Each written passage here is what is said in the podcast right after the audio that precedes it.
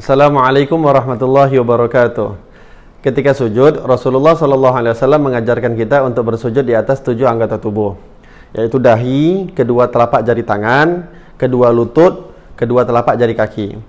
Namun sering kita melihat ada beberapa kekeliruan yang dilakukan sebagian orang ketika sujud.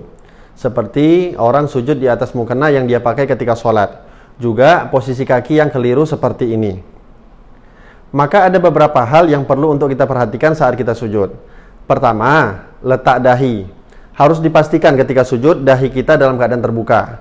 Atau paling tidak sedikit bagian dahi yang langsung terkena dengan tempat sujud. Namun kalau kita sujud di atas mukena atau mungkin di atas kopiah, maka sujud kita tidak sah. Lalu posisi tangan.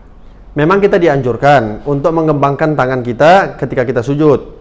Namun perlu juga untuk diperhatikan jangan terlalu lebar kita kembangkan sampai-sampai mengganggu orang yang di sebelah kita. Kalau ketika sholat sendiri sih nggak masalah, silahkan.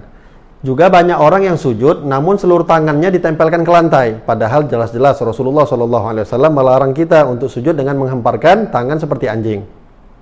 Dan juga yang perlu kita perhatikan posisi kaki ketika sujud. Yang benar adalah seperti ini. Atau paling tidak seperti ini. Namun kalau kita letakkan kaki kita seperti ini tanpa adanya uzur maka tidak sah sholat kita. Insya Allah sedikit demi sedikit kita perbaiki gerakan-gerakan ibadah kita. Wabillahi taufiq wal hidayah. Assalamualaikum warahmatullahi wabarakatuh.